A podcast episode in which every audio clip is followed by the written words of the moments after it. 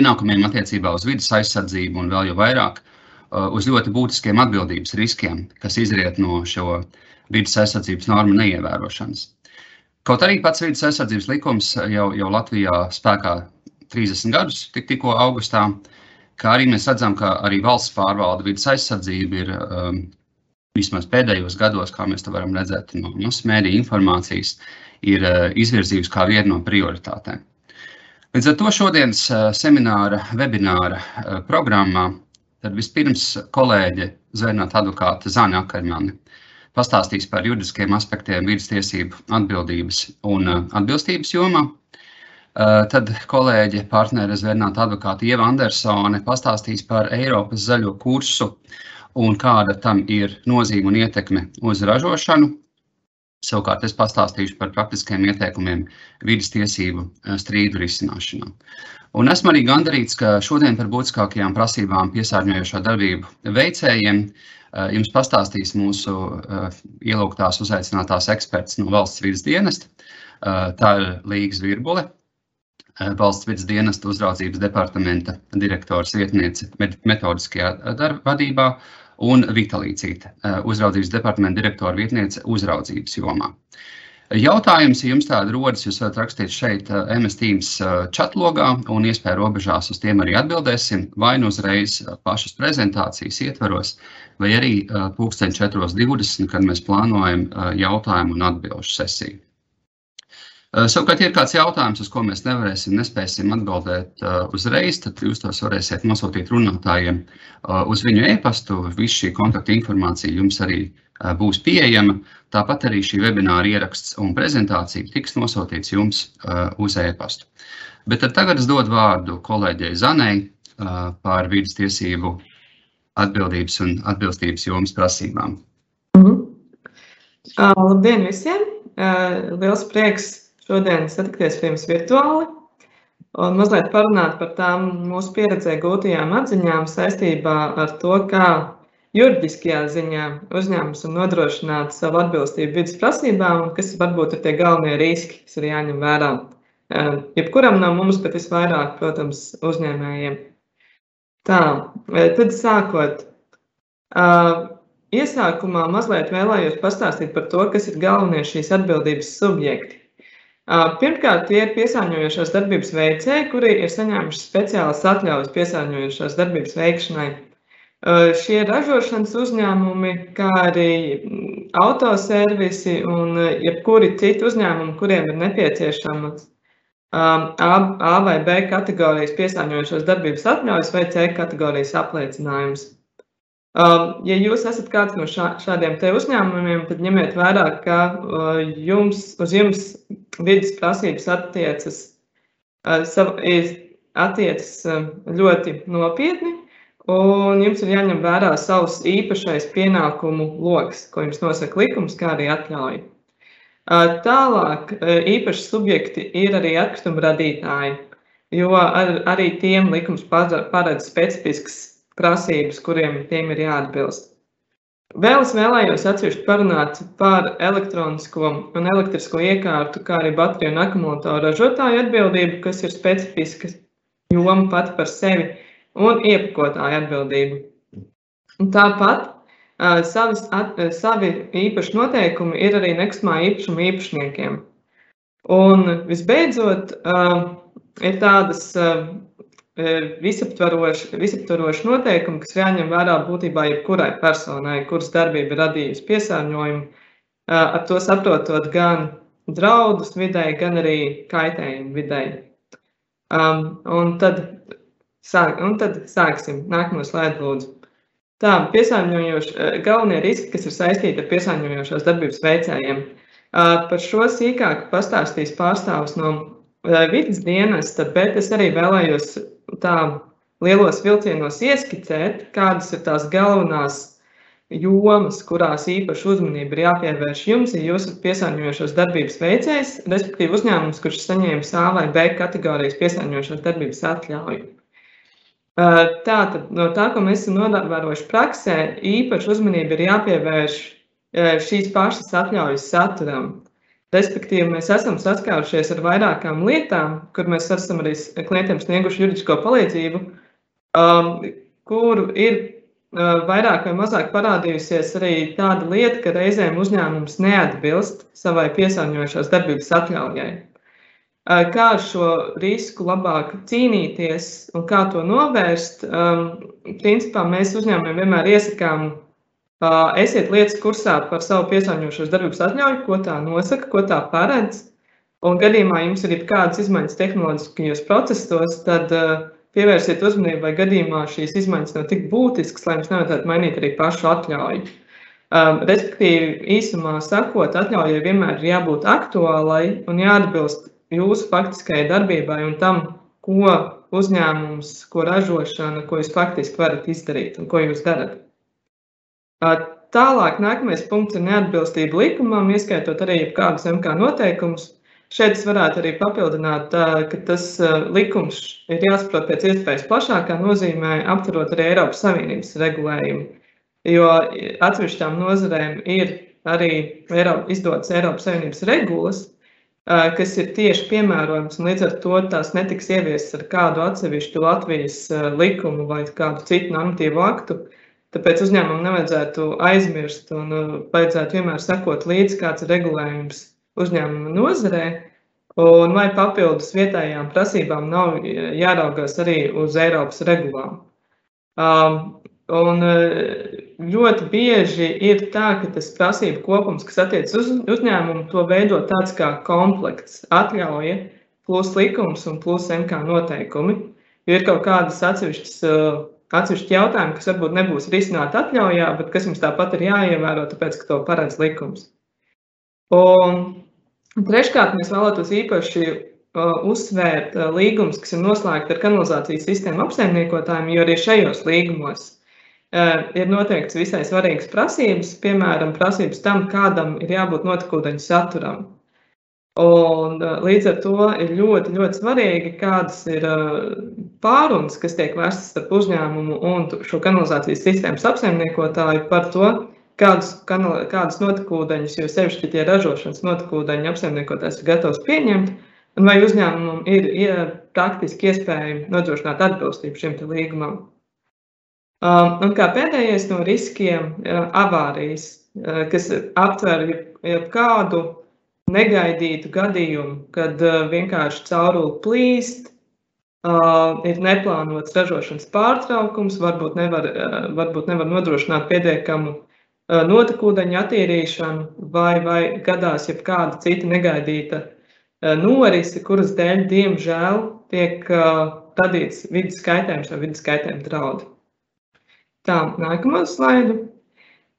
Jā, un šiem uzņēmumiem, kuriem ir piesārņojošās darbības atļaujas, ir jāņem vērā arī savas atbildības īpatnības. Respektīvi, atsevišķos gadījumos, ja tiks konstatēts vidas kaitējums vai vidas kaitējuma draudi saistībā ar komersantu, komersanta atbildība par šo kaitējumu vai draudiem, vai vienkāršāk sakot, piesārņojumu, tiks prezumēta. Tas nozīmē, ka, ka, ka kamēr jūs kā uzņēmums pats nepierādīsiet, ka varbūt pie vainas ir kāda cita persona, atbildīgiem dienestiem būs visas tiesības uzskatīt, ka jūs esat tas, kurš ir radījis šo piesārņojumu. Kas to nosaka? Vides aizsardzības likumā ir īpašs saraksts ar komercdarbības veidiem, kuru gadījumā tiek prezumēts, ka pie vidas kaitējuma vai vidas kaitējuma draudiem vainīgs ir šādas komercdarbības veicējs. Dažus populārākos mēs esam iekļāvuši šajā slaidā. Tie ir bīstamo, ir darbības, kas ir saistītas ar bīstamo ķīmisko vielu izmantošanu, darbības, kurām ir izsniegta A vai B kategorijas atļauja vai atkrituma apsaimniekošanas atļauja. Taču ir arī citas pēc gadījumā, ja jūsu darbība ir saistīta ar kaut ko specifisku vidas jomā, tad, tad ļoti nepieciešams iepazīties ar šo normu un saprast, vai gadījumā jums nevajag ieviest kaut kādus papildus pasākumus, vienkārši tādēļ, ka jums šis risks ir daudz lielāks. Tā, nākamo slaidu. Un turpinot par atkritumu radītājiem. Atkritumu radītājiem lielākais risks, ar ko ir jārēķinās, ir tas, ka atkrituma radītājs ir atbildīgs par to, ka atkritumi ir nodoti apsaimniekotājiem, kuram ir tiesības apsaimniekot šos konkrētos atkritumus. Tas parasti tiks ir noteikts atkrituma apsaimniekotāja atļaujā, kur ir ietverti, ietverts saraksts ar tiem atkritumiem, ko šis apsaimniekotājs var pieņemt un apsaimniekot. Bet tā atbildība pārliecināties, vai, šajā, vai šis te komersants tiešām ir tiesīgs to darīt, tā ir uz atkrituma radītāja. Tāpēc ir jāpievērš ļoti liela uzmanība tiem sadarbības partneriem, ko jūs izvēlaties un ir jāpārbauda arī viņu, viņiem izsniegtās atkrituma apsaimniekošanas atļaujas. Jo sevišķi jāuzmanās ar tiem atkritumu radītājiem, kuru darbības rezultātā rodas bīstami, bīstami atkritumi, būvniecības atkritumi vai ražošanas atkritumi. Jo uz šiem atkritumiem ir īpašas prasības.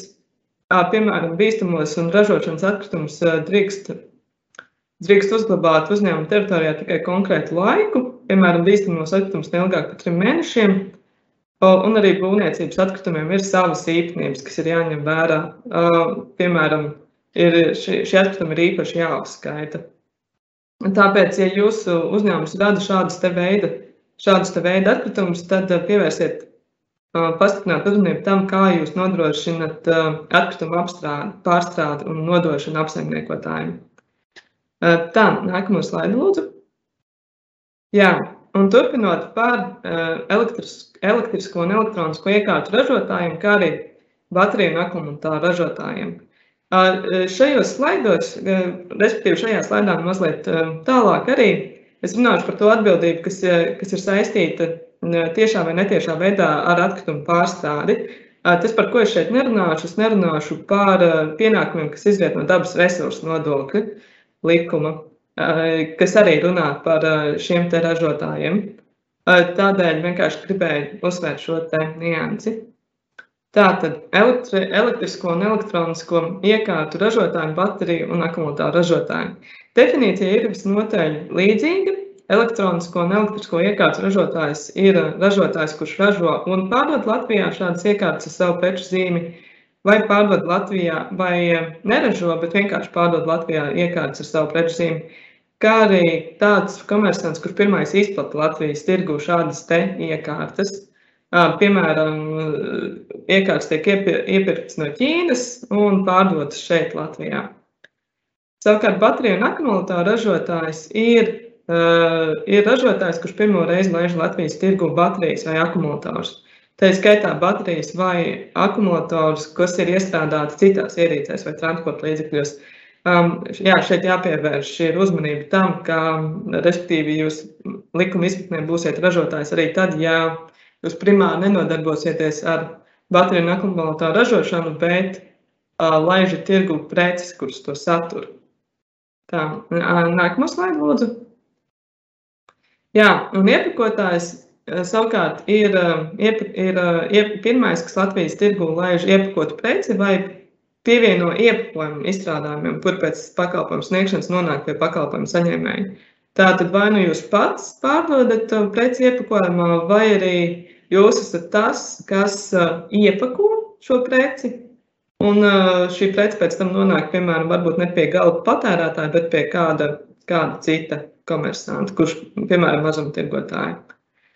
Un uh, iepakotājs būs uz iepakotāju attieksies īpašie noteikumi tikai tad, ja gada laikā tas radīs vairāk nekā 300 kg izlietotu iepakojumu. Respektīvi, ja jūs varbūt esat tas, kas pirmais laiž Latvijas tirgu iepakotu preci, bet tas iepakojums, ko jūs radāt, ir zem šiem 300 kg, tad šīs prasības uz jums neattieksies. Tā, nākamo slaidu. Jā, Un kādi ir šie elektronisko un elektrisko iekārtu ražotāji un bateriju un akumulātoru ražotāji, kā arī iepakotāji galvenie pienākumi? Galvenais pienākums šiem uzņēmumiem ir reģistrēties, ir elektronisko un elektrisko iekārtu un bateriju un akumulātoru ražotājiem ir atsevišķs reģistrs. To administrē viena iestāde, bet ir jāņem vērā, ka gadījumā jūs esat gan elektronisko un elektrisko iekārtu ražotājs, gan bateriju un akumulātoru ražotājs, jums ir jāreģistrē šajos abos reģistros. Nereti praksē saskaramies ar to, ka komersantam, kurš atbilst abiem šiem kritērijiem, šķiet, ka var reģistrēties tikai vienā reģistrā, bet diemžēl tā nav. Jāreģistrē šādā gadījumā būs abos. Un iepakotāju reģistru savukārt administrē valsts vidas dienas. Tas nozīmē, ka iepakotājiem ir jāreģistrējas vidas dienestā šajā speciālajā reģistrā. Pēc reģistrēšanās ir jāveic speciāli, jā, jāveic speciāla atskaišu sniegšana. Tā ir gan, tā ir gan elektronisko un elektrisko iekārtu un bateriju akumulātoru ražotājiem, gan iepakotājiem abiem, abiem, abām šīm kategorijām būs jāsniedz atskaites savām konkrētajā iestādē. Un uz šiem uzņēmumiem attiecas īpaši likumā noteikti atkrituma apsaimniekošanas mērķi, kas ir jānodrošina, par ko arī ir jāsniedz atskaites. Un kā pēdējais punkts ir jāmin tas, ka šiem, šīm personām ir jāmaksā arī dabas resursu nodoklis par šīm ražotajām vai izplatītajām precēm. Un savukārt, gadījumā, ja šie ražotāji noslēdz speciālu apsaimniekošanas līgumu ar īpašu uzņēmumu, kuram ir ar īpašu atkritumu apsaimniekotāju, kuram ir tiesības to darīt, tad gan elektri, elektrisko un elektronisko iekārtu un bateriju un akumulātoru ražotājs, gan iepakotājs var savus pienākumus deleģēt šim atkrituma apsaimniekotājam, respektīvi, atkrituma apsaimniekotājs jūsu vietā sniegs visas nepieciešamās atskaites, kā arī nodrošinās atkrituma apsaimniekošanas mērķu izpildi. Turklāt, visbiežāk šie īpašie atkrituma apsaimniekotāji ir arī ar tiesībām sniegt dabas resursu nodokļu atlaidi. Līdz ar to jūs varat arī noslēdzot vienu līgumu, paredzēt gan to, ka šis, šis apsaimniekotājs jūsu vietā sniegs nepieciešamās atskaites un nodrošinās Atkrituma apsaimniekošanas mērķu izpildu, gan arī pie vienas sniegs jums atbrīvojumu no dabas resursu nodokļa. Um, šeit gan ir jāpiebilst, ka tas ir speciāls līgums, kas ir slēgts ar speciāliem atkrituma apsaimniekotājiem. Tādiem kā, piemēram, zaļais punkts vai zaļā josta, tāpēc ir jāpievērš īpaša uzmanība, vai jūsu līgums ir ar atbilstošu apsaimniekotāju. Un tā, tad nākamo slaidu lūdzu. Jā, tālāk mēs runāsim par nekustamā īpašuma īpašniekiem, kuriem arī ir savas speciālas īpatnības, kas izriet no vidas tiesībām. Pirmām kārtām ir jāmin, ka nekustamais īpašums var būt iekļauts Latvijā esošo piesārņoto vietu reģistrā kā piesārņota vieta.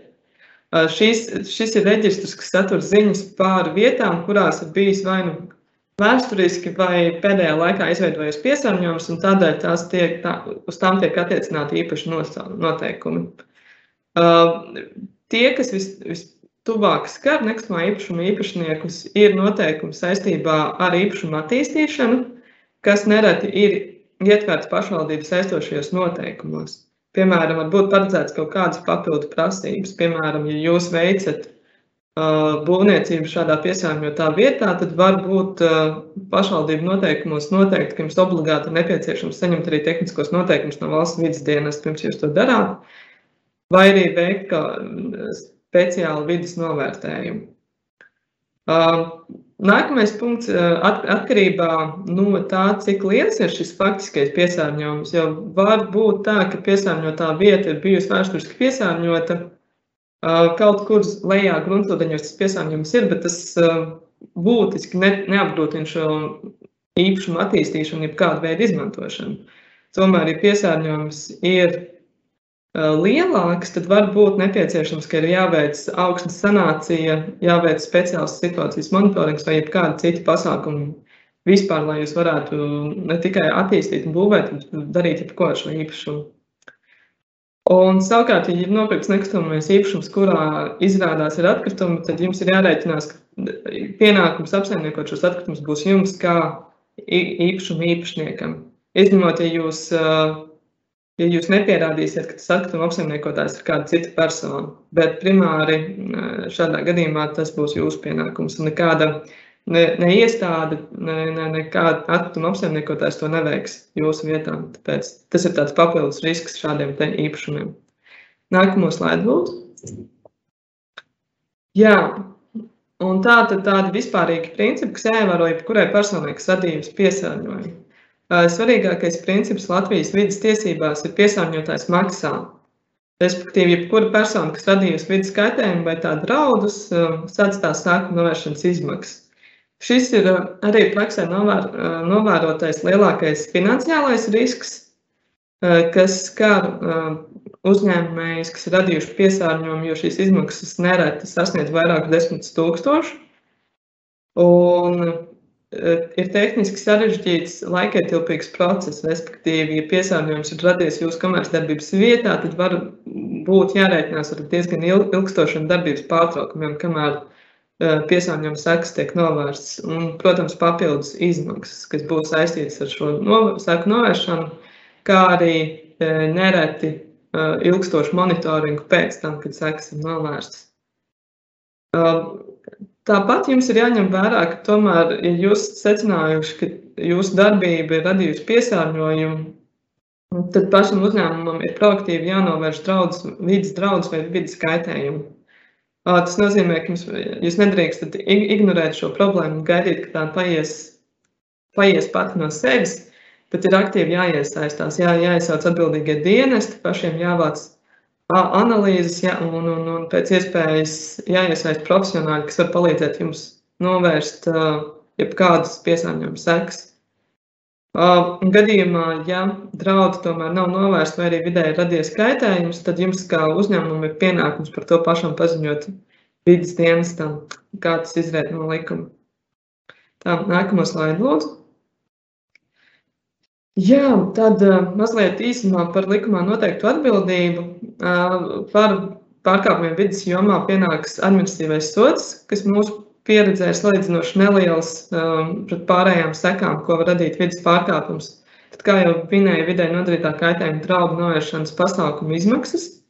Papildus var tikt uzrēķināts arī dabas resursu nodoklis, un šeit jāpiemina, ka tas var tikt uzrēķināts desmitkāršā vai pat divdesmitkāršā apmērā par vidē novadīto piesārņojumu. Un atsevišķos gadījumos iespējama krimināla atbildība, kas eh, var skart vai nu valdi, vai arī pašu juridisko personu. Tā, nākamo slaidu lūdzu. Tā, un nobeigumā, kā tad nodrošināt atbildību uzņēmumam? Pirmais, pirmais punkts, ko es vēlētos īpaši uzsvērt, ir, ka uzņēmuma ietvaros būtu vajadzīga persona, kas būs atbildīga par vidas jautājumiem. Jo, kā mēs esam novērojuši praksē, tad visefektīvāk šī atbilstība tiek nodrošināta tad, kad ir kāds konkrēts atbild, atbildīgais cilvēks, kuram ir arī attiecīga izglītība un attiecīga pieredze. Tie nereti ir ražošanas uzņēmumos, tie nereti ir cilvēki, kuri ir pēc profesijas ķīmiķi vai kādā citā veidā saistīti ar specializāciju vidas jomā. Un, un, un tad šis cilvēks ir uh, atbildīgs par to, lai uzņēmumā viss atbilst piemērojamajām, piemērojamajām vidas prasībām. Uh, tālāk vēl viens uh, svarīgs aspekts ir iekšējās vadlīnijas un procesu apraksti, kā reaģēt vidas kaitējuma gadījumā, ka, kas ir jāizsauc, kas ir jādara, kas svarīgāk, kam ir jāziņo pašu uzņēmumu iekšienē. Un šīm vadlīnijām un procesiem jābūt ne tikai papīrā, bet tiem ir jābūt arī iedzīvinātiem dzīvē. Un tas, ko mēs esam redzējuši, ir, ka pārbaudēs lūdz iestādes uzrādīt šīs vadlīnijas un procesus, kā arī lūdz pie viena aprakstīt, kā dzīvē notiek. Vai darbinieki ir apmācīti, vai darbinieki zina, ka šādas vadlīnijas un procesi ir, un vai tiek par to arī regulāri atgādināts, teiksim, pusgada apmācībās, kur tiek vēlreiz izstāstīts par to, kā mēs rīkojamies tādā gadījumā, ja mums ir notikuši kādi vidas riski. Un kā pēdējais punkts vidas audits. Tas nozīmē, ka vidas speciālists veic jūsu uzņēmumā visaptvarošu auditu un konstatē, kādas ir varbūt uzņēmuma vājās vietas, kādi ir galvenie riski, ar ko jārēķinās. Un, uh, mēs esam dzirdējuši pozitīvas atsauksmes no klientiem, ka šādu ekspertu piesaistīšana no malas ļoti, ļoti noder, jo pašiem savā saimniecībā reizēm uh, kādi aspekti paslīd garām, bet tad uh, šis speciālists no malas parasti var sniegt svaigu skatu uz to, kā uzņēmumā viss notiek. Jā, skatos pulksnī un to, ka man atvēlētais laiks tuvojas beigām. Es, es domāju, ka šis ir labs labs slaids, ar ko beigt, jo šie ir tādi svarīgākie praktiskie ieteikumi, ko mēs dodam saviem klientiem un ko mēs labprāt dodam arī jums par to, kā aizsargāt sevi no riskiem vidas jomā. Paldies jums!